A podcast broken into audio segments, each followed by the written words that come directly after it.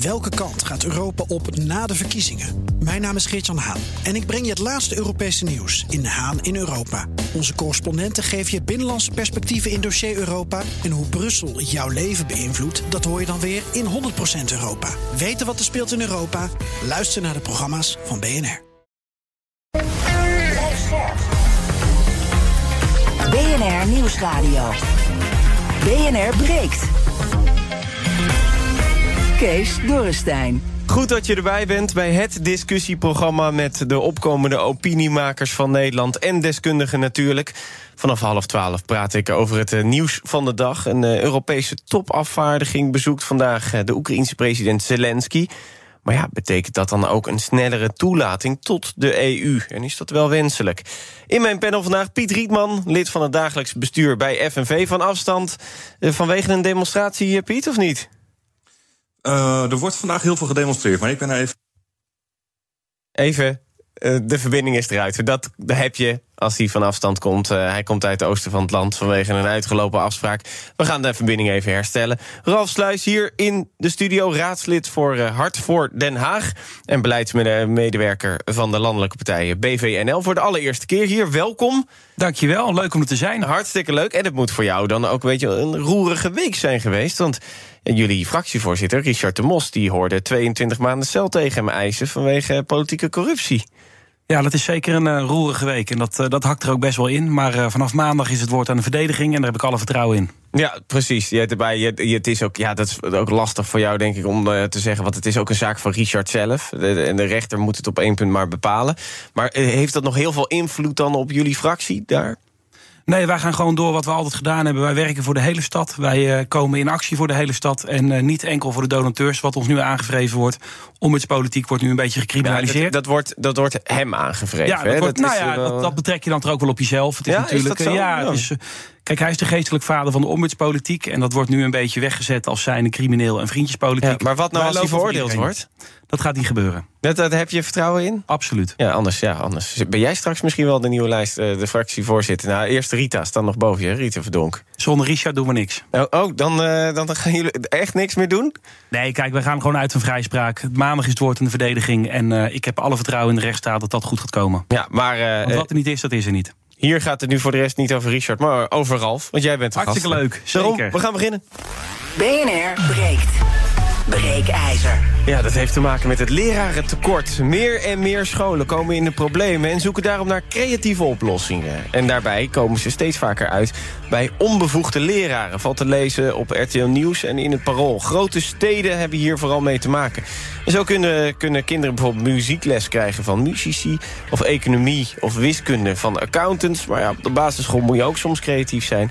Uh, de Algemene Onderwijsbond die vindt dat een slecht idee. En dus roept het bevoegde leerkrachten op... om vandaag in Amsterdam te demonstreren tegen de noodoplossing. Heeft de bond een punt?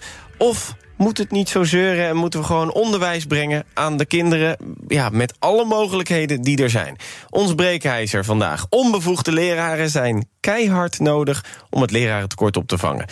020 468, 4 keer 0. Denk je eens, ja, mijn kinderen moeten toch naar school... dan maar iemand die wat minder bevoegd is... maar dan krijgen ze in ieder geval les. Of zeg je oneens, nee, het is een vak, daar leer je voor. Het is een, een pedagogische opleiding. Je moet zorgen dat dit allemaal goed geregeld is. Dus betaal de leraren dan maar bijvoorbeeld wat meer. 020 468 4 keer 0. Onbevoegde leraren zijn keihard nodig in, om, de, uh, om het uh, lerarentekort op te vangen. Ja, dan gaan we ook uh, naar Jan van Tartwijk. Hij is hoogleraar onderwijswetenschappen aan de Universiteit Utrecht. Goedemorgen, Jan. Goedemorgen. Ja, wat is uw reactie op het breekijzer? Nou, dat we een enorm probleem hebben. En dat het belangrijk is om naar alle oplossingen te zoeken die, die, die het probleem kunnen helpen oplossen. Maar je wel voortdurend te realiseren dat je wel echt aan kwaliteit inlevert. Ja, we gaan daar zo meteen. Een oplossing moet zijn. We gaan, we gaan daar zo meteen ook wat dieper op, uh, op in. Natuurlijk, uh, zeker vanuit jouw kunde als uh, hoogleraar onderwijswetenschap en hoe we het dan kunnen oplossen. Eerst naar Ralf. Ralf, eens of oneens met de breekijzer? Ja, dat is, ik vind het eigenlijk best wel een lastige. Kijk, onbevoegd is niet onbekwaam. Uh, mensen die uh, onbevoegd zijn of uh, de diploma's niet hebben zoals die misschien zouden moeten hebben, wil niet zeggen dat ze geen les kunnen geven. En dat we een probleem hebben in Nederland en met name ook in de grote steden. Daar is lerarentekort enorm. Ja, dat lijkt me overduidelijk. En moeten te kijken hoe we dat kunnen oplossen. geef ze ook voorrang op een woning, gratis betaald of gratis parkeren. Je moet het aantrekkelijker maken, met name ook in de grote steden, want die lopen echt leeg. De leraren die kiezen er dan toch voor voor om in de, in de regio's eh, les te gaan geven. Dan begrijp ik ook wel, omdat in de grote steden ook echt lastiger is om daar les te geven. En uh, ja, als je dat dan kan oplossen door in ieder geval nu mensen neer te zetten die misschien niet de papieren hebben, maar wel de liefde voor het vak hebben om dat over te brengen aan kinderen, dan heb ik dat liever dan dat ze vier dagen uh, naar school gaan in plaats van vijf. Ja, wat doen jullie in Den Haag daarvoor, voor die leraar? Want ik neem aan dat dit ook een groot probleem is voor jullie. Dit is een enorm probleem in Den Haag. Je ziet echt met name in de zwakkere wijken dat de leraren daar wegtrekken. Er zijn uh, veel verschillende groepen, veel culturele achtergronden, waardoor het erg moeilijk is ook om zin toom te houden. Met name op de VMBO's zie je dat gebeuren. Ja, en wij hebben daar altijd allerlei punten voor aangedragen. Ook om, uh, nou, geef ze voorrang inderdaad op een woning. Uh, uh, geef ze ook, en dat is ook een, een oproep geweest van de wethouders uit de vier grote steden. Geef ze een grote steden toelage. Dus ga echt leraren ook in de grote steden meer betalen dan in andere oh, delen dus van echt een onderscheid maken, omdat het ja. in de grote steden duurder is, dus meer betalen daar. Ja, kijk, lesgeven in een grootstedelijke context vraagt gewoon meer van een leraar dan lesgeven buiten de G4. En het is een oproep geweest van de vier onderwijs onderwijswethouders ook destijds uh, uh, aan het kabinet. En ik sta daar volledig achter. Ga naar uh, Piet Rietman. De verbinding is hersteld. Piet, um, wat, wat, wat, wat, vind jij? Eens of oneens? Onbevoegde leraren zijn keihard nodig om het lerarentekort op te vangen. Ja, ik ben het uh, uh, daar erg mee oneens. Ik ben het overigens ook erg oneens met de suggestie van de vorige spreker dat het moeilijk is om kinderen van verschillende culturele achtergronden in toom te houden. Dat klinkt uh, heeft voor mij een licht racistische ondertoon. Nou, zo heb ik het ook niet gezegd. Voor, ja, zo zei ik letterlijk. Ten tweede is het zo dat voor, hè, dat voor uh, de gedachte van... oké, okay, we kunnen bevoegde leraren wel vervangen... door onbevoegde uh, krachten voor de klas te zetten... dat is niet alleen een heel slecht idee. Er spreekt ook nog eens een gebrek aan respect uit voor, voor het vak van leraar. Dan snap je echt niet uh, wat het vak van leraar inhoudt. Daar, daar zit een opleiding aan vast. Tweede graads lesbevoegdheid. Is een op, opleiding van vier jaar... Eerste graads lesbevoegdheid komt na een universitaire opleidingen. Leraren gaan daarna verder met het ontwikkelen van hun bevoegdheden als ze voor de klas staan. Uh, ontwikkelen van hun vaardigheden als ze voor de klas staan. En uh, ja, daardoor is het vak van leraar echt een die je niet zomaar kunt vervangen. Um, en je kunt het op een andere manier oplossen. Hè. Als je denkt, we hebben een lerarentekort in de grote steden. Je kunt het oplossen door het vak van leraar aantrekkelijker te maken. Met lagere werkdruk, betere primaire voorwaarden, betere secundaire arbeidsvoorwaarden. En daardoor zou je er ook voor kunnen zorgen dat meer mensen solliciteren naar het vak van leraar en je dus niet uh, vervangers nodig hebt. Nee, kijk, je bent uh, natuurlijk ook van de FNV, de Algemene Onderwijsbond, is ook onderdeel van de FNV. Die gaan natuurlijk ook vandaag demonstreren hier tegen in Amsterdam. Um, maar dat, dat kan je ook bedenken: van, is dit niet een noodoplossing? Wordt het vanuit de Algemene Onderwijsbond niet te groot gemaakt? Want is dit meer van scholen die denken: ja, weet je, ik, ik wil leraren wel meer betalen. Uh, ik wil ze wel aannemen, maar ze komen niet. Dus ik moet nu in ieder geval tijdelijk even iets oplossen. Want stel, er is een leraar ziek. Ja, dan heb ik een klas uh, uh, alleen dan geen leraar. Natuurlijk, en het is altijd een noodoplossing. Hè. Dus dit verschijnsel zien we als vakbond op allerlei plekken in de samenleving. Hè. Het is ook zo dat als een bedrijf even niet aan geschikte vaste krachten kan vinden... dat er flexkrachten worden ingehuurd. En op heel veel uh, in heel veel bedrijven en organisaties wordt er heel snel naar vervanging gegrepen. Uh, en dan niet de mensen die het, die het vak daadwerkelijk kunnen overnemen, maar even een tijdelijke oplossing. Of even mensen die toch net iets minder gekwalificeerd zijn. Dat, dat ondergraaft het verschijnsel kwalificaties en het onder, ondergraaft het verschijnsel vaste baan. en we begrijpen dat het zo werkt. En we komen als vakbond ook op voor de mensen die dan inderdaad als vervanger aan de slag gaan. Maar het structurele onderliggende probleem is dat er niet voldoende wordt geïnvesteerd in het onderwijs. En daardoor is dit nodig. En dat is waar wij tegen zijn. En waarom we ook vandaag samen met de AOB in Amsterdam gaan demonstreren.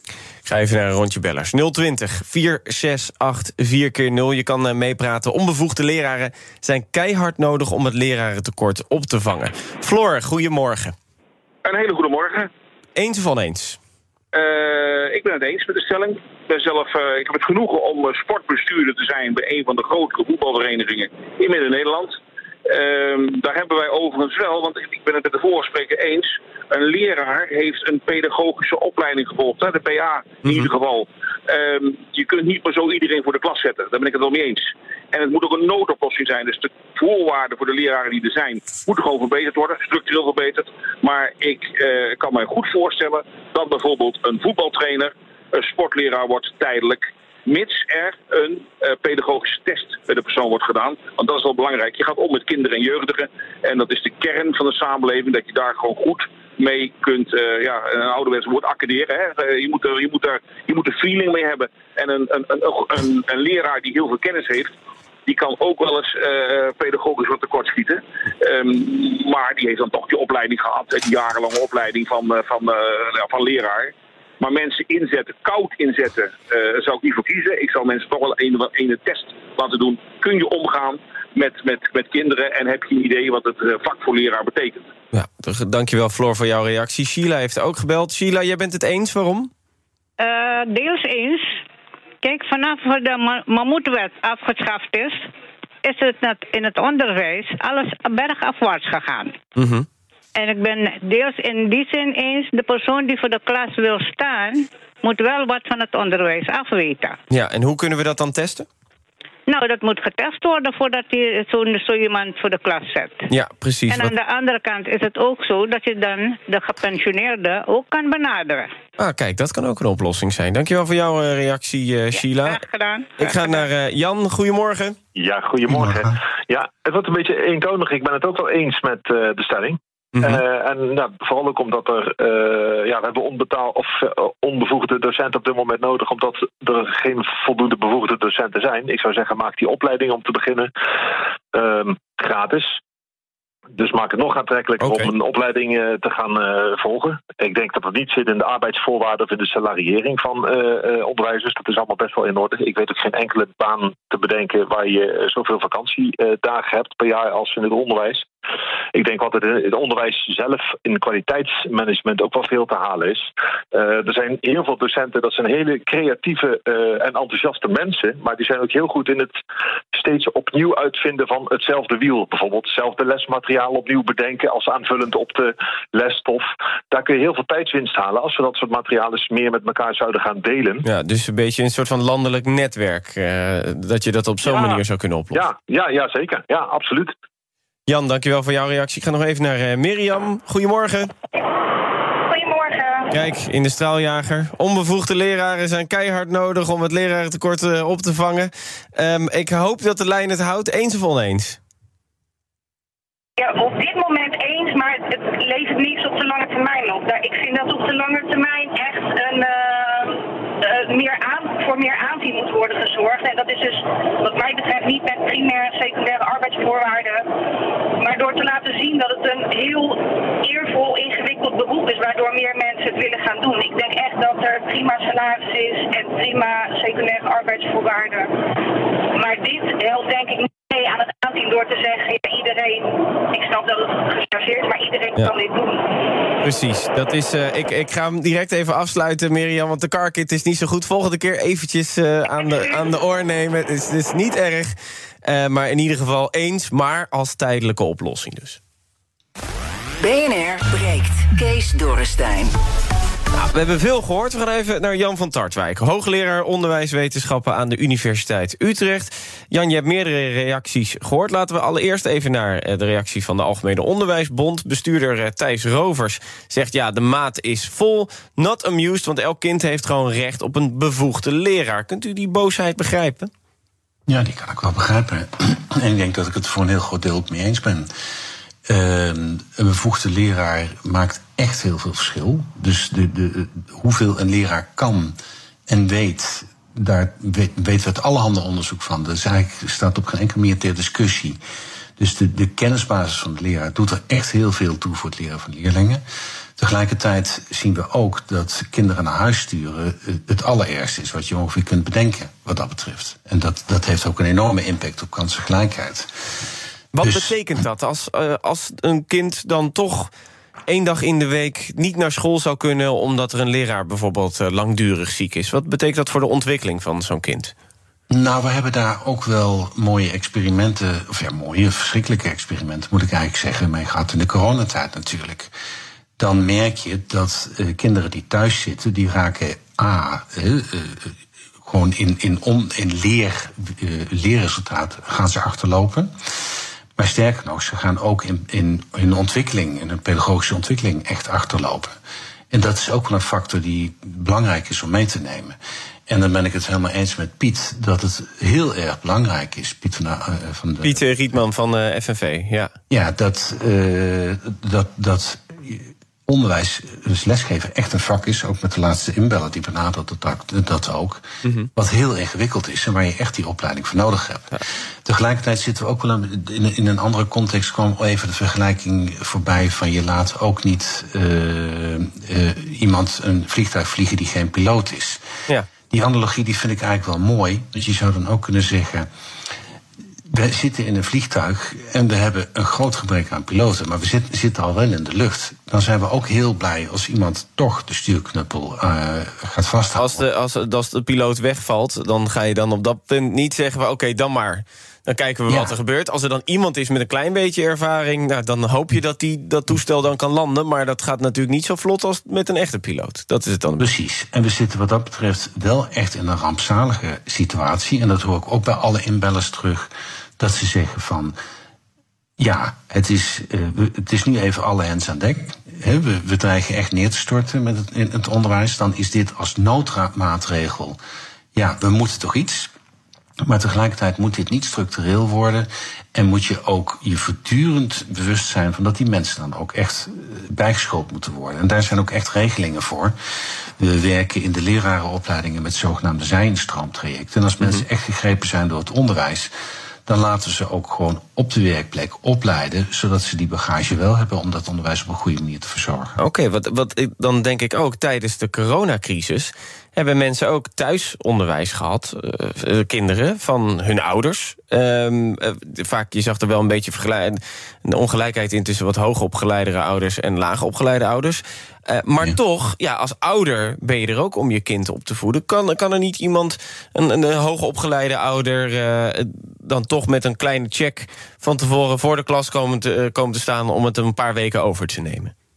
Dat is eenzelfde soort noodmaatregel waar je het eigenlijk over hebt. En, en de, de kinderen naar huis sturen uh, is heel ingewikkeld, omdat niet alle ouders daar tijd voor hebben of daar de bagage voor hebben om dat te doen.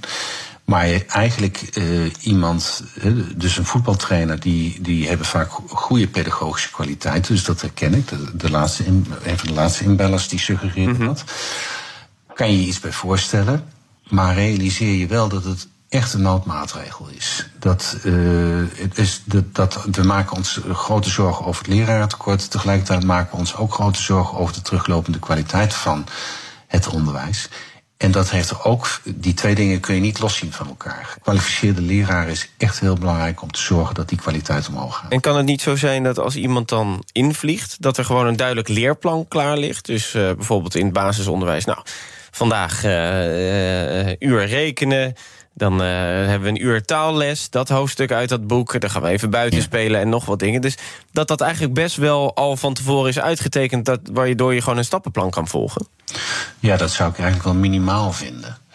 Maar we weten ook dat die lesmethodes op zich uh, niet voldoende zijn. Kijk, het, het, wordt dan toch een beetje een kookboek, om het zo maar even te zeggen. He, dus je, je kunt best uh, met een kookboek, kom je nog wel ergens... Mm -hmm.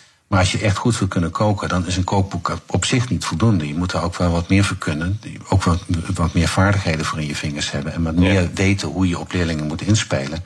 Dan alleen die methode uitvoeren. Ja, de, bij ons... Maar in deze situatie zou ik wel zeggen: mensen die onbevoegd voor de klas staan.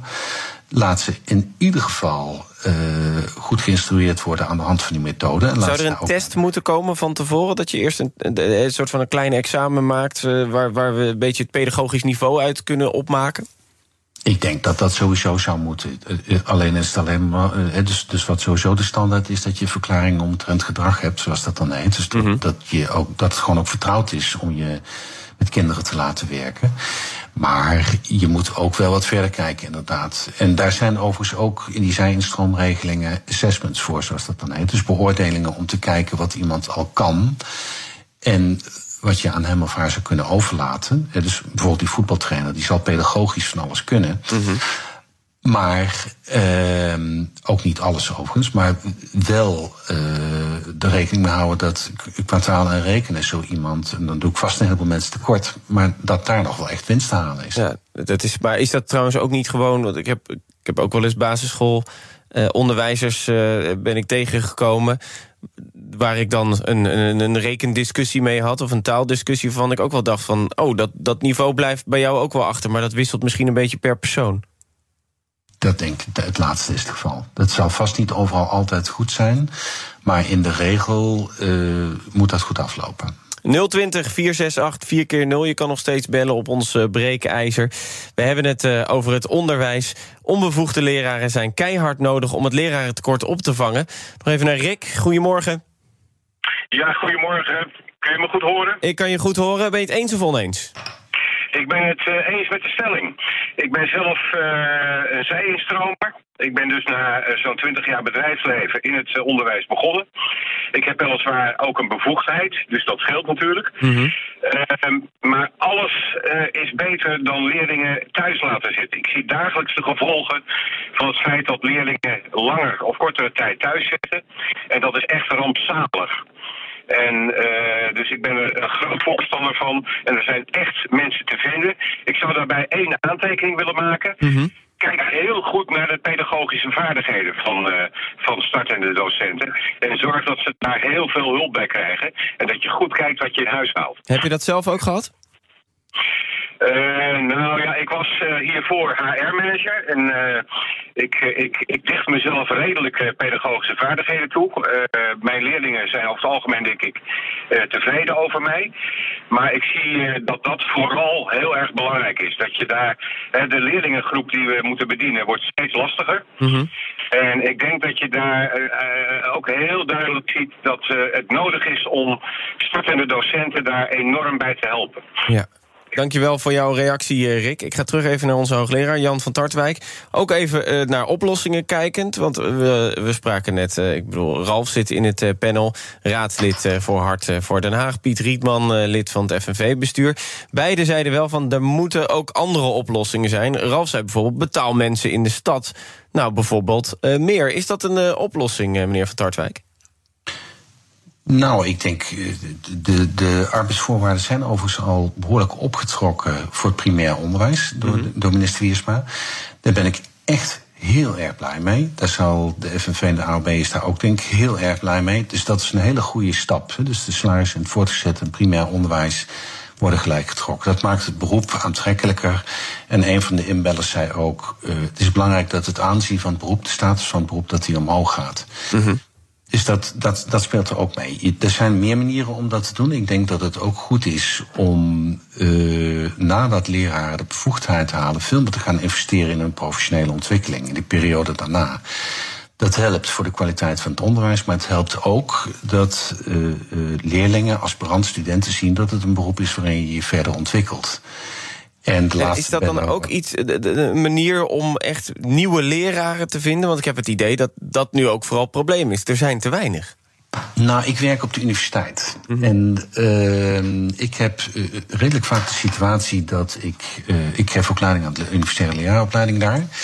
Dat ik met studenten praat die bij wijze van spreken in een studentenhuis wonen. En dan gaat er eentje, die gaat geneeskunde worden. Die wordt assistent geneeskundige in opleiding, een bepaalde mm -hmm. functie. De ander wordt trainee uh, in, uh, bij een advocatenbureau, die studeert rechten. Ja. En degene die de leraaropleiding wil gaan doen, die moet zich nog een keertje inschrijven. Die moet collegegeld gaan betalen. Dat is natuurlijk, daar zijn wel allerhande reducties op, et cetera, maar dat, dat helpt niet. Nou, die trainee en die artsgeneeskundige opleiding, die leren ook, die blijven zich ontwikkelen, die worden opgeleid op de werkplek. Dat doen wij ook het eerste jaar of de eerste twee jaar. Maar je zou eigenlijk willen dat net als bij die andere beroepen daarna een soort continue professionele ontwikkeling blijft gaan. Dus dat mensen blijven bijleren. Daar worden ook allerhande initiatieven voor genomen. Maar dat, dat zou echt een hele goede zaak zijn. En als mijn studenten, dus die niet in de lerarenopleiding zijn, maar die gewoon in de faculteiten rondlopen, dat zouden weten, dan wordt mm -hmm. zo'n beroep ook aantrekkelijker. Ja, het is wel leuk om en, aan Piet Rietman even voor te leggen. Piet, uh, even kijken of de verbinding het uh, goed doet. Wat vind je van dit plan? Ja, kijk, het is eigenlijk, uh, eigenlijk kijken we steeds naar labmiddelen. Hè. En sommige labmiddelen begrijp ik ook heel goed. Uh, en als je bijvoorbeeld uh, nou ja, kijkt naar hoe kunnen we ervoor zorgen dat leraren in, in grote steden kunnen blijven. En je laat ze dan laat ze dan wat goedkoper. Of terwijl ze een middeninkomen hebben, laat je ze gebruik maken van sociale woningbouw. Of je zorgt dat er middenhuur beschikbaar is. Kijk, dat kan allemaal helpen. En ik denk dat al die labmiddelen samen ook uh, heus wel uh, ervoor kunnen zorgen dat, uh, dat, dat er goed onderwijs in grote steden ook beschikbaar blijft. Maar het blijven wel labmiddelen. En wat is dan voor jou wel het juiste middel? Want we horen net ook al dat, dat het qua salaris eigenlijk ook wel goed zit. Nou, dat is maar de vraag of het qua salaris goed zit. Als je het uh, vergelijkt uh, met, um, um, nou ja, kijk, uh, vergelijkbare functies met een, met een even hoge werkdruk, ja, dan, dan wordt daar meer verdiend. Maar het is ook zo dat de overheid het budget beschikbaar stelt op basis waarvan de onder, onderwijsbesturen, scholenbesturen gaan onderhandelen. en nou ja, dat, dat budget is natuurlijk ook gewoon aan de lage kant. en als wij willen dat er kwalitatief onderwijs is, kwalitatief hoogstaand onderwijs is, wat een investering is in de toekomst, dan uh, moet er ook gewoon boter bij de vis. Dus het is niet alleen maar een arbeidsvoorwaardenvraagstuk, hè, dat docenten graag goed betaald willen worden en dat mm dat geld er niet is. Het is meer dan dat. Het is een investering in de toekomst en uh, ja, uh, een samenleving met met echt goed onderwijs, waar ook ruimte is voor persoonlijke ontplooiing, waar het niet alleen gaat om het aanleren van vaardigheden voor de arbeidsmarkt, waarin je, waarin je breder uh, opgeleid wordt om deel te nemen aan de samenleving. Ja, weet mm -hmm. je, dat soort onderwijssystemen die zorgen ook voor economische groei. Uh, dus het is uh, ja, pennywise, pound foolish als je daarop bezuinigt. tot slot naar Jan van Tartwijk. Wat vindt u ervan als u dit hoort? Toch, ja, dat is toch ook wel een financieel plaatje? Het is zeker ook een financieel plaatje. De, de aanvangssalarissen, in ieder geval het voortgezette onderwijs, zijn niet, niet slecht. In vergelijking met andere beroepen. Uh, primair onderwijs was echt een hele grote reparatieslag nodig. En eh, ik denk dat Piet Groot gelijk heeft op het moment dat hij zegt van, uh, en, dat, en dat, dat zal iedereen ook, zal ook Ralf dat in grote steden het probleem het hardste aankomt. Dus daar is echt wel wat nodig. En dat aantrekkelijker maken op welke manier dan ook. En dat kan door uh, huisvesting te organiseren, door parkeren te ondersteunen. Dat lijkt me dan ook een hele verstandige. Jan van Tartwijk, hoogleraar onderwijswetenschappen aan de Universiteit Utrecht. Dank u wel. Als ik uh, zo kijk op Instagram, want daar hebben we uiteraard ook een poll uh, gezet... BNR Nieuwsradio over het breekijzer... onbevoegde leraren zijn keihard nodig om het lerarentekort op te vangen... is 56 procent, een kleine meerderheid, is het eens. Zometeen in het tweede half uur van BNR Breekt... hebben we het over de EU-top in Oekraïne... Uh, waar Zelensky natuurlijk ook bij is. Michel is erbij, von der Leyen is erbij. En ook Klein dingetje, maar toch wel interessant om te bespreken. Het mooiste station van Nederland is bekend. En nu mag, ik, mag het panel alvast nadenken wat zij het mooiste treinstation, heb ik het over, van Nederland vinden. Ook Thomas van Zeil vind je in de BNR-app. Je kunt live naar mij luisteren in Zaken doen. De BNR-app met breaking news, het laatste zakelijke nieuws... en je vindt er alle BNR-podcasts, bijvoorbeeld Het Nieuwe Geld. Download nu de gratis BNR-app en blijf scherp.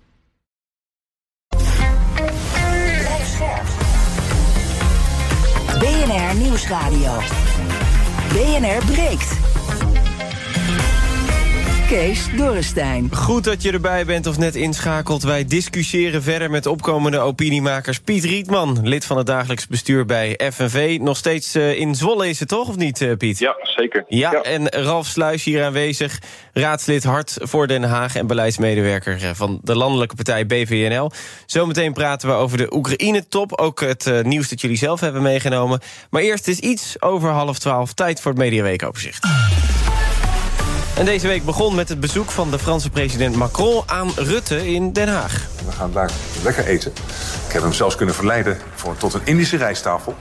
En ik zie daar enorm naar uit. Ja, eetmakelijk. Maar ze hebben daar natuurlijk ook over serieuze zaken gepraat. Ik wil ook hier nog een keer zeggen dat ik enorme waardering heb... voor wat Frankrijk doet om Oekraïne te steunen.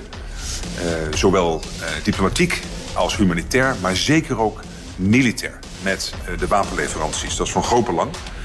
Um, en ook Nederland zal ermee doorgaan. Ja, want er is nu ook een discussie ontstaan over de levering van F-16's. Wel of niet doen. Veel bedrijfsnieuws deze week. De fusie tussen RTL en Talpa gaat niet door... omdat de autoriteit Consument en Markt hem heeft afgewezen. CEO van RTL Nederland, Sven Savé. Besluit is ons al medegedeeld. Dat is een mondelinge mededeling geweest. De ACM heeft enige tijd nodig om dat uh, helemaal uit te werken... met uh, alle dossierkennis die ze hebben. Uh, we zullen natuurlijk dat vonnis met veel aandacht gaan doorlezen... maar het heeft voor ons wel... de beslissing is al voor ons gevallen dat we de fusie niet zullen continueren. Dan is het tijd voor... De tijd van Philips, Ja, de directie van Philips zal vast terugverlangen naar deze jaren 90 reclame... toen het allemaal nog goed was. Want het bedrijf noteerde een jaarverlies van 1,6 miljard euro... en schrapt de komende jaren nog eens 6000 banen. CEO Roy Jacobs van Philips over de veranderingen. We gaan gericht innoveren. Uh, we zetten de innovatie ook dichter bij de klant en de markt. Uh, zodat we met oplossingen komen die heel relevant zijn voor, uh, voor de patiënten die we bedienen. Waarbij kwaliteit eerste prioriteit is voor ons, maar ook het zorgen dat onze toeleveringsketen beter gaat werken. Ja, Shell noteerde dan weer recordcijfers en een netto-winst van bijna 40 miljard dollar. FD-energieredacteur Bert van Dijk. Verreweg het belangrijkste zijn de gestegen olieprijzen en de gasprijzen. En met name denk ik de volatiliteit, dus de bewegelijkheid afgelopen jaar van de prijzen. Daar heeft Shell optimaal van geprofiteerd, omdat ze ook nou ja, op wereldschaal handelen in olie en gas. En als daar veel prijsverschillen in zitten, dan, nou ja, dan kun je daar uh, heel erg veel geld mee verdienen. En dat uh, heeft Shell gedaan het afgelopen jaar. Veel grote techbedrijven lieten slechte cijfers zien. Snapchat, Apple, Amazon. Alleen Meta schoot dan weer omhoog na aangekondigde bezuinigingen. En dus schoot het vermogen van Mark Zuckerberg, CEO, ook omhoog naar 70 miljard dollar. Nu kan Zuck weer rustig slapen, misschien. Maar goed, snijdende kosten is één ding. Langetermijnperspectief is iets anders. En dat lijkt te ontbreken, zegt tech-redacteur Joe van Buurik. En dan kwamen deze week ook nog eens de verwachte renteverhogingen. De ECB gooit er 50 basispunten bovenop en kondigde direct aan... dat er volgende maand waarschijnlijk ook weer 50 basispunten bovenop komen. Maar ja, waarom dan niet in één keer gewoon 1 procent? Nou ja, het verbaasde mij eigenlijk een beetje dat geen journalist die vraag stelde. Maar, maar kennelijk vonden ze dat toch een te grote stap, te veel risico misschien. En nu hebben ze natuurlijk wel de vrijheid om als de economische omstandigheden zich heel anders ontwikkelen, ja, dan kunnen ze een rentestap in maart achterwege laten. Zegt huiseconoom Han de Jong. Er was begin deze week natuurlijk ook BNR Mobility Day... en de spitsbreker van het jaar werd uitgereikt. Rotterdam! Hey, de gemeente Rotterdam. Ja, gelukkig is die prijs naar een innovatieve gemeente gegaan... en niet naar de man in de volgende reportage. Want hij is wel erg conservatief als het om mobiliteit gaat. Er zijn tegenwoordig verschillende methodes om de gevolgen van een lekke band te bestrijden. Ideaal is natuurlijk het ouderwetse reservewiel. Dan heb je nog de run-flat banden en... Uh, Welke zou eigenlijk uw voorkeur hebben? Die runflatband. Nou ja, die kunnen niet lek worden, uh, heb ik begrepen. Ik vind dat we moeten blijven bij het oude principe. Band lek, verwisselen. En geen flauwe kulletjes. Vandaag brengen EU-kopstukken Ursula von der Leyen en Charles Michel... een bezoek aan de Oekraïense president Zelensky in Kiev. Oekraïne wil meer financiële en materiële en militaire steun... en toezeggingen over de toetreding van Oekraïne in de Europese Unie. Twee dingen die Michel en von der Leyen er momenteel niet kunnen beloven. Maar uit een onderzoek van New Europe Center, een NGO... blijkt dat Oekraïne wel hard op weg is om aan de eisen te voldoen... om lid te worden van de EU. CDA-kamerlid Mustafa Amouche die zei vanochtend uh, op BNR dat er nog een hoop moet gebeuren voordat Oekraïne lid kan worden. Toetreding tot de Europese Unie, hervormingen in de constitutionele hof, daar moeten nog een aantal grote stappen gemaakt worden. Het witwassen moet aangepakt worden, aanpakken van de oliegegarden. Ja, en dan is het een belangrijke vraag. Uh, als Oekraïne ervoor klaar is, moet het land dan ook bij de EU? Want het lijkt er steeds meer die richting op te gaan. Piet, uh, in het panel, is het een goed plan, Oekraïne bij de Europese Unie? Nou, echt uh, specifiek over één land heb ik niet zo'n mening. Maar wat, wat ik altijd belangrijk vind in deze discussie... is dat langs democratische weg wij vaststellen in Europa wat, wat de koers is. Langs democratische weg is ook vastgesteld wat de eisen zijn... waarbinnen een land kan toetreden. En uh, ja, als je daaraan voldoet, dan uh, kun je deelnemen natuurlijk. En dat geldt ook voor de Oekraïne. Oekraïne, die, die, zeker Zelensky, is wel de hele tijd om aan het vragen. En het lijkt ook wel op dat hij de oorlog ook gebruikt van hey, kan ik nu die toenadering vinden? Nu, nu er ook vanuit het Westen geholpen wordt. Is dat de juiste manier? Ja, dat is natuurlijk niet gek dat je, dat je ook dan bij de Europese familie wil worden, juist op het moment dat je het hardste nodig hebt. En ik denk dat het ook een uitnodiging is aan, uh, aan Nederlanders om zich eens te verdiepen in: oké, maar waar gaat het nou eigenlijk om? Wat zijn nou eh, de, de, de voorwaarden waarbinnen je aan de, eh, aan de Europese Unie kunt deelnemen. Eh, daar zit ook heel veel aan vast op het gebied van, eh, van verzorgingsstaat en de arbeidsvoorwaarden. Ehm, en de, de Europese Unie is, eh, nou, je zou eh, kunnen zeggen, deels een sociaal project. Maar ook voor een heel groot deel een neoliberaal project. Eh, en ehm, ja, je kunt ook je invloed uitoefenen op het moment dat je stemt... om ervoor te zorgen dat bijvoorbeeld toetredingsvoorwaarden voor een land ook gaan inhouden dat je voldoet aan een bepaalde ondergrens aan wat, wat wij nog sociaal vinden met z'n allen. Ja, Ralf, als je dit zo hoort van Oekraïne gaat steeds meer richting die eisen. Als ze eraan voldoen, dan gewoon een, eh, een voorlopig kandidaat lidmaatschap? Nee, ik, eh, ik ben eh, raadslid in Den Haag, dus ik ken wat dat betreft ook wel een beetje mijn beperkingen. Ik heb eh, genoeg werk te doen ook in Den Haag. En ik, ja, ik, ik wil dit onderwerp ook een klein beetje links laten liggen wat mij betreft. Want ik, ik heb daar gewoon niet zo heel veel verstand van. Ik denk als je aan de voorwaarden voldoet, maar dan is er volgens mij nog een lange weg te gaan. Volgens mij is Oekraïne een van de meest corrupte landen van Europa nog op dit moment.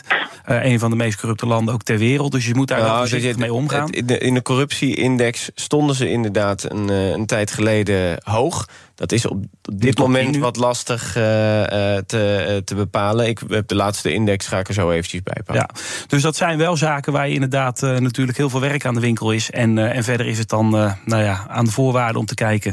Kan het of kan het niet? Maar ik, ik heb er verder niet een heel Heeft, uitgesproken heeft, mening heeft over. Piet een punt dat hij zegt... dit is eigenlijk ook een uitnodiging van Nederlanders. dus, dus ook voor de mensen in de gemeente... om eens te kijken van wat zijn nou die voorwaarden... om een land toe te laten en, en, en daar beter mee bezig te zijn. Want het wordt pas een discussie op het moment dat iemand het vraagt. Nee, zeker. Ik eh, denk dat hij daar absoluut een punt heeft. En eh, sowieso natuurlijk goed om ook eh, naar de Nederlanders wat meer te luisteren... hoe zij sowieso tegenover de Europese Unie staan. Want de Europese Unie is toch op dit moment wel nou, het orgaan... waar heel veel besloten wordt, waar we toch heel veel mee te maken hebben... wat betreft regelgeving. Allerlei zaken kunnen niet opgelost worden of zijn zoals ze zijn... omdat we vastzitten in Europese regelgeving. Nou, je merkt daar best wel wat chagrijn over, terecht, in de samenleving. Dus het is sowieso goed als Nederland zich meer verdiept in de Europese Unie... en welke rol wij daarin hebben en of we die nog willen hebben. Ja, het is eh, eh, uit de corruptieindex uit 2021 staat Oekraïne op eh, plek 122. Ehm, er zijn 180 plekken. Dus het is, het is Ja, wel in, voorbij de. in Europa is het het meest corrupte land, na Rusland. Dat is, ik heb alleen de wereldlijst hier, maar dat, Ja. daar, die, die checken we nog even. Dat staat eronder. We gaan naar het eigen nieuws. Piet, wat heb jij meegenomen? Waar wil je het over hebben? Ja, wat, wat dacht je over stakingen natuurlijk? Dat is, dat is, ja, jij hebt het nergens anders over natuurlijk als FNV-bestuurder. Wat is eh, aan de orde van de dag? Nee, dat klopt. En ik heb het, eh, maar ik heb het ook zo naar mijn zin, eh, moet ik eigenlijk zeggen. Ik ben in december overgestapt van het bedrijfsleven naar de vakbond. Juist op het moment dat de vakbond weer in de lift zat. En we hebben ledengroei. En we hebben steeds meer stakingen. En het gaat eh, naar de stijgende lijn, die blijft maar doorgaan. En ik vind dat eh, ja, fantastisch om mee te maken. Hè, want dat is gewoon deel van een winnend team eh, worden. Ja, en, en er zijn nu stakingen aan de gang die ik eigenlijk vanuit mijn oude functie, ik was econoom bij ABN AMRO, die ik eigenlijk als econoom ook heel interessant vind. Want wat is er aan de hand? De, vuil, de vuilnisophalers gaan staken. Ja, die staken in mijn eigen stad in Utrecht. Nou, dat, eh, dat is fijn voor je. Want ze, want ze nou, gaan- lekker. nou, ik weet het niet of dat fijn voor me is. Want ze gaan voor, ze gaan voor de vierde keer gaan ze, gaan ze staken eh, in Utrecht. En eh, op meer plekken staken ze. We hebben ook eh, Dordrecht, Betuwe, eh, eh. Amsterdam is in Ja, gaan ze in Den Haag Dus, staken? Volgende week. Ja, zeker. En eh, dat is eh, een uitdaging voor eh, bewoners van Utrecht zoals, zoals jij. Want eigenlijk moet iedereen zich afvragen van ja, aan welke kant, of iedereen moet laten zien van aan welke kant sta ik nou. Want iedereen, elke bewoner van Utrecht en jij ook, zal het gewoon heel vervelend vinden dat die bergen afval zo groot zijn. Op een gegeven moment lopen er ratten rond. Ja, nou dat is, dat is voor niemand leuk. Maar aan, aan wie richt je je onvrede daarover? En ben je dan boos over die bergen afval, boos op de vuilnisophalers? Of ben je boos op de Vereniging Nederlandse Gemeenten... die de vuilnisophalers zo weinig eh, betalen... dat ze noodgedwongen zijn om te staken? Maar ze willen, ze willen ook volgens mij 14% toch? Of niet, in inflatiecorrectie? Ja, dat betekent dat ze niet willen eh, dat ze armer worden. Hè? Want eh, als je inflatiecorrectie wil, dan zeg je alleen maar van... Nou ja, we willen gecompenseerd worden voor de inflatie. We willen niet dat onze koopkracht daalt... en we willen dus niet dat we armer worden. Ja, Vereniging Nederlandse Gemeenten die zal, daar, eh, die zal daarop in moeten gaan. Ja, en, en wat ik erover wilde zeggen, dat is eigenlijk waarom ik het onderwerp op de kaart eh, wilde zetten in deze uitzending. Het is, ik vind het als, eh, als econoom, of als voormalig econoom, vind ik het prachtig dat ja, je eigenlijk bij een staking zoals van die vuilnisophalers zie je eigenlijk wie toegevoegde waarde levert. Hè, dus als dat is een begrip dat we in de economie heel vaak gebruiken. En het is een beetje, eigenlijk een beetje vaag wat het is of hoe je het definieert. Ehm, maar ja, als er gestaakt wordt door mensen en niemand heeft er last van, dan eh, is kennelijk dat, heeft dat, kennelijk dat beroep niet zoveel Nee, toegevoegd. oké, maar eh, zeg je daarmee eigenlijk ook niet... oké, stel, zij krijgen hun zin, dan hebben ze toegevoegde waarde... maar er wordt gestaakt en niemand heeft er last van in een andere beroepgroep... door FNV, dat ze eigenlijk het niet waard zijn... en dat ze gewoon maar door moeten werken en die vogen niet verdienen. Nou, we hebben achterban op eh, allerlei plekken waar het daadwerkelijk pijn doet als er gestaakt wordt. En eh, kijk, managers, consultants, noem maar op. Als die staken, dat is ook hun goed recht. En ook dan, als je werknemer bent, je hebt een arbeidscontract, dan zullen wij als, eh, of je bent ZZP'er, dan zullen wij als FNV voor je opkomen. Maar het mooie is, als vuilnisophalers staken, dan heb je na drie, vier stakingsdagen heb je er al last van. En dat laat zien dat deze mensen veel toegevoegde waarde leveren in de samenleving en daar ook voor gecompenseerd moeten worden. Ja, Ralf, En, ehm, maak je je al zorgen? En de- de- ben je al bereid, eh, moet de gemeente eh, de portemonnee gaan trekken? Voor Absoluut. De, voor ik de... ben het helemaal eens met Piet. Kijk, eh, de vuilnisophaal-mensen, dat zijn helden. Dat zijn de helden die onze straten schoonhouden, die de stad schoonhouden. En die mensen moet je goed belonen. En Dus gewoon die 14% geven. Absoluut. erbij. Maar dat betekent ook dat er dan weer minder geld is... bijvoorbeeld voor de bibliotheek en voor het zwembad, hè? De, voor de grootste gekkigheid eh, wordt de poeplap getrokken door de gemeentes. En eh, de vuilhulpaaldienst, daar begint het mee. Dat is de leefbare omgeving. Dat is onze directe leefomgeving. En inderdaad, op heel veel wijken, met name in Den Haag... lopen de Dus- ratten dus als een polonaise door de wijken heen. Dus laten we alsjeblieft dat vuil ophalen. En die Als mensen geven wat ze sta- verdienen. staken, dan sta je, sta je al raadsvragen eh, te stellen. Wij hebben, er al, wij hebben er zeker al vragen over gesteld. Er komt komende week ook zelfs een debat over in Den Haag. Wij staan volledig achter de vuilophaaldiensten. En de eisen die ze neerleggen zijn meer dan terecht. Bij BNR ben je altijd als eerste op de hoogte van het laatste nieuws. Luister dagelijks live via internet. Bas van Werven. En heel langzaam komt de zon op rond dit tijdstip. Je krijgt inzicht in de dag die komt op BNR, het Binnenhof in Nederland en de rest van de wereld. De Ochtendspits. Voor de beste start van je werkdag. Blijf scherp en mis niets. Zo. BNR breekt. Met in het panel Piet Rietman, lid van het dagelijks bestuur bij FNV. Ralf Sluis, raadslid voor Hart voor Den Haag. En eh, we hoorden net het eigen nieuws van Piet. Ralf, wat eh, heb jij meegenomen? Ja, ik heb eh, meegenomen ik, eh, het nieuws dat eh, Nelly Kroes ondanks een verbod bij premier Rutte lobbyde voor een gesprek met de Uber-topman. En dat is zelfs een onthulling ook geweest van, van Trouw en Financiële Dagblad.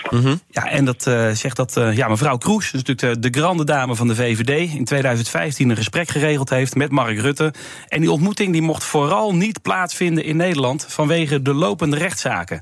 Nou ja, en mevrouw Kroes die had een verbod om te lobbyen, want ze is eurocommissaris. Ja, dit, dit speelt in 2015 volgens mij. Hè? Eh, Vlak nadat zij eh, eurocommissaris is geweest. En dan geldt ook dat je volgens mij anderhalf of twee jaar... mag je dan eh, niet in jouw vakgebied eh, lobbyen. Klopt helemaal. Ze heeft dus eh, na die periode toestemming gevraagd om voor Uber aan de slag te gaan. Nou, dat werd mede door de Europese Commissie, toen de tijd nog onder Jean-Claude Juncker, afgewezen. Want inderdaad, wat je zegt, anderhalf jaar na hun vertrek mogen ze niet, lobby, eh, mogen ze niet lobbyen. Ja, en zo onthulde toch trouw het Financiële Dagblad dat ze desondanks in 2015 en 2016 ja, stiekem lobbyden ja, voor, voor Uber. Ja, om voet aan de grond te krijgen in Europa. Ja, zij wilden een gesprek regelen met, eh, met Rutte. Hè? Eh, Zeker. en, en Travis Kalanick, toen de tijd CEO van eh, Uber. Klopt helemaal, ja. En ze wilden op die manier ook het beleid voor de taximarkt, taximarkt in Nederland ten gunste van Uber beïnvloeden.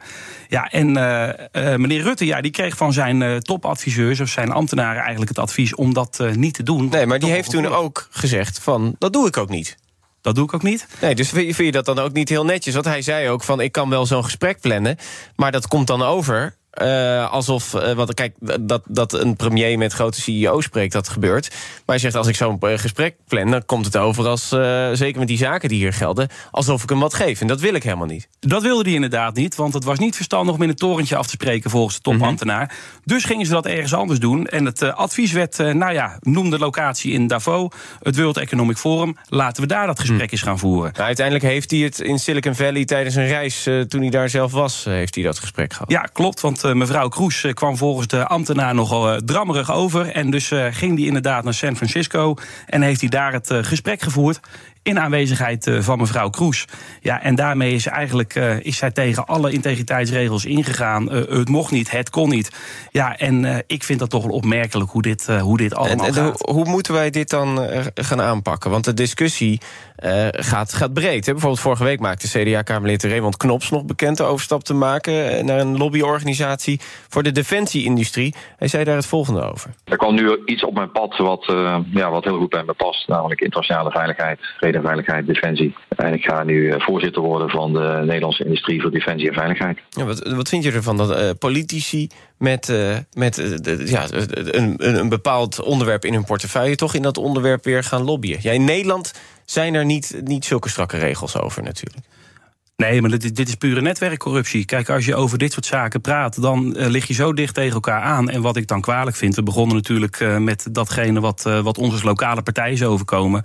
Ja, als er dan lokale ondernemers zijn die een beetje invloed willen uitoefenen op het verkiezingsprogramma, die goede ideeën geven, ondernemers die goede ideeën geven en die ook doneren, omdat je als lokale partij niks uit de landelijke subsidiepotten krijgt, en dat je dan voor het hekje staat en 22 maanden tegen je geëist hoort worden.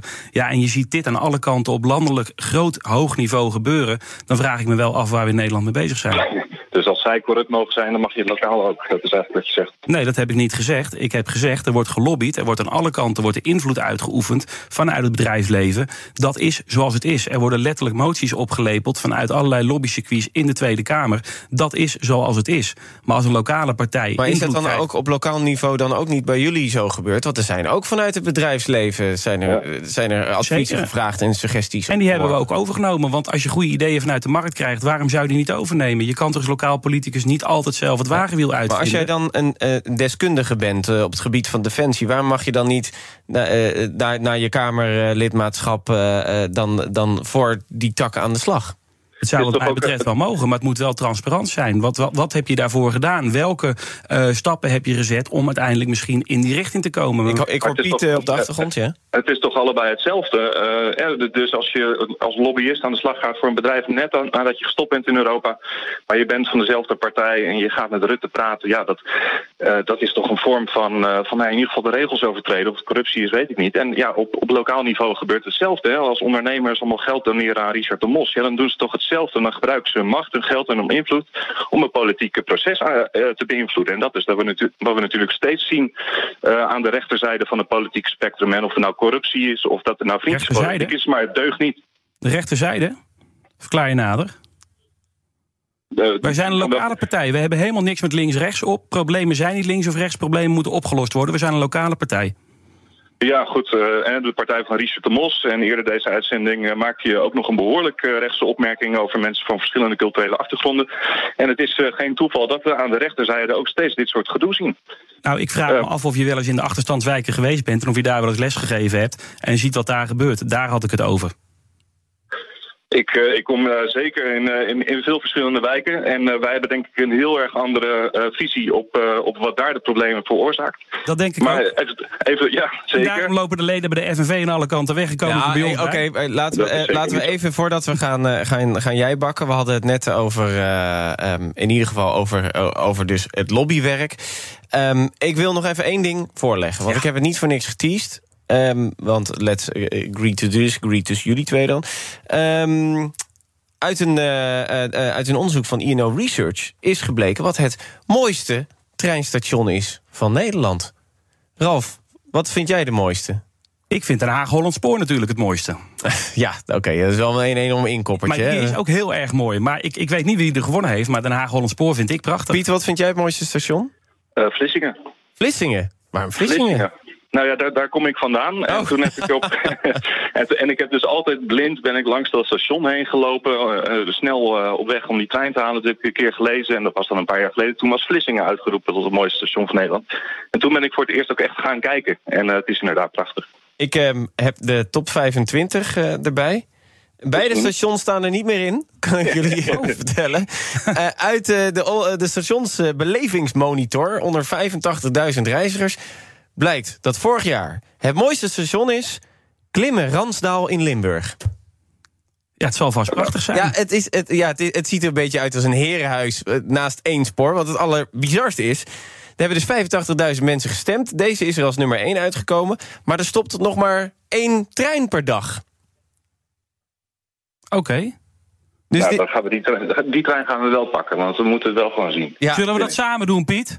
Ja, dat is goed. Dat is, ja, jullie hebben nog veel te bespreken, inderdaad. denk ik ook. Eh, klimmen Ransdaal in Limburg, zoek het op. Eh, het is daadwerkelijk echt wel een heel mooi eh, oud station. Ik had denk ik zelf voor Groningen gekozen. Ik vind dat echt een heel mooi station. zeker En een ik mooi kom uit. Utrecht. Dus ik bedank jullie beiden. Piet Rietman, lid van het dagelijks bestuur bij FNV. Ralf Sluis, raadslid eh, Hart voor Den Haag... en beleidsmedewerker van de landelijke partij BVNL. Dank jullie wel. Maandag een nieuwe BNR breekt. Natuurlijk met Ivan Verrips. Wij gaan door online op Twitter en als podcast in de BNR-app.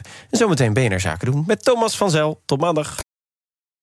Ook Hugo Reitsma vind je in de BNR-app. Superhandig die BNR-app. Je kunt alle programma's live luisteren, breaking nieuwsmeldingen. Je blijft op de hoogte van het laatste zakelijke nieuws. En je vindt er alle BNR-podcasts, waaronder natuurlijk de belangrijkste, Boeken zijn in de wijk. Download nu de gratis BNR-app en blijf scherp.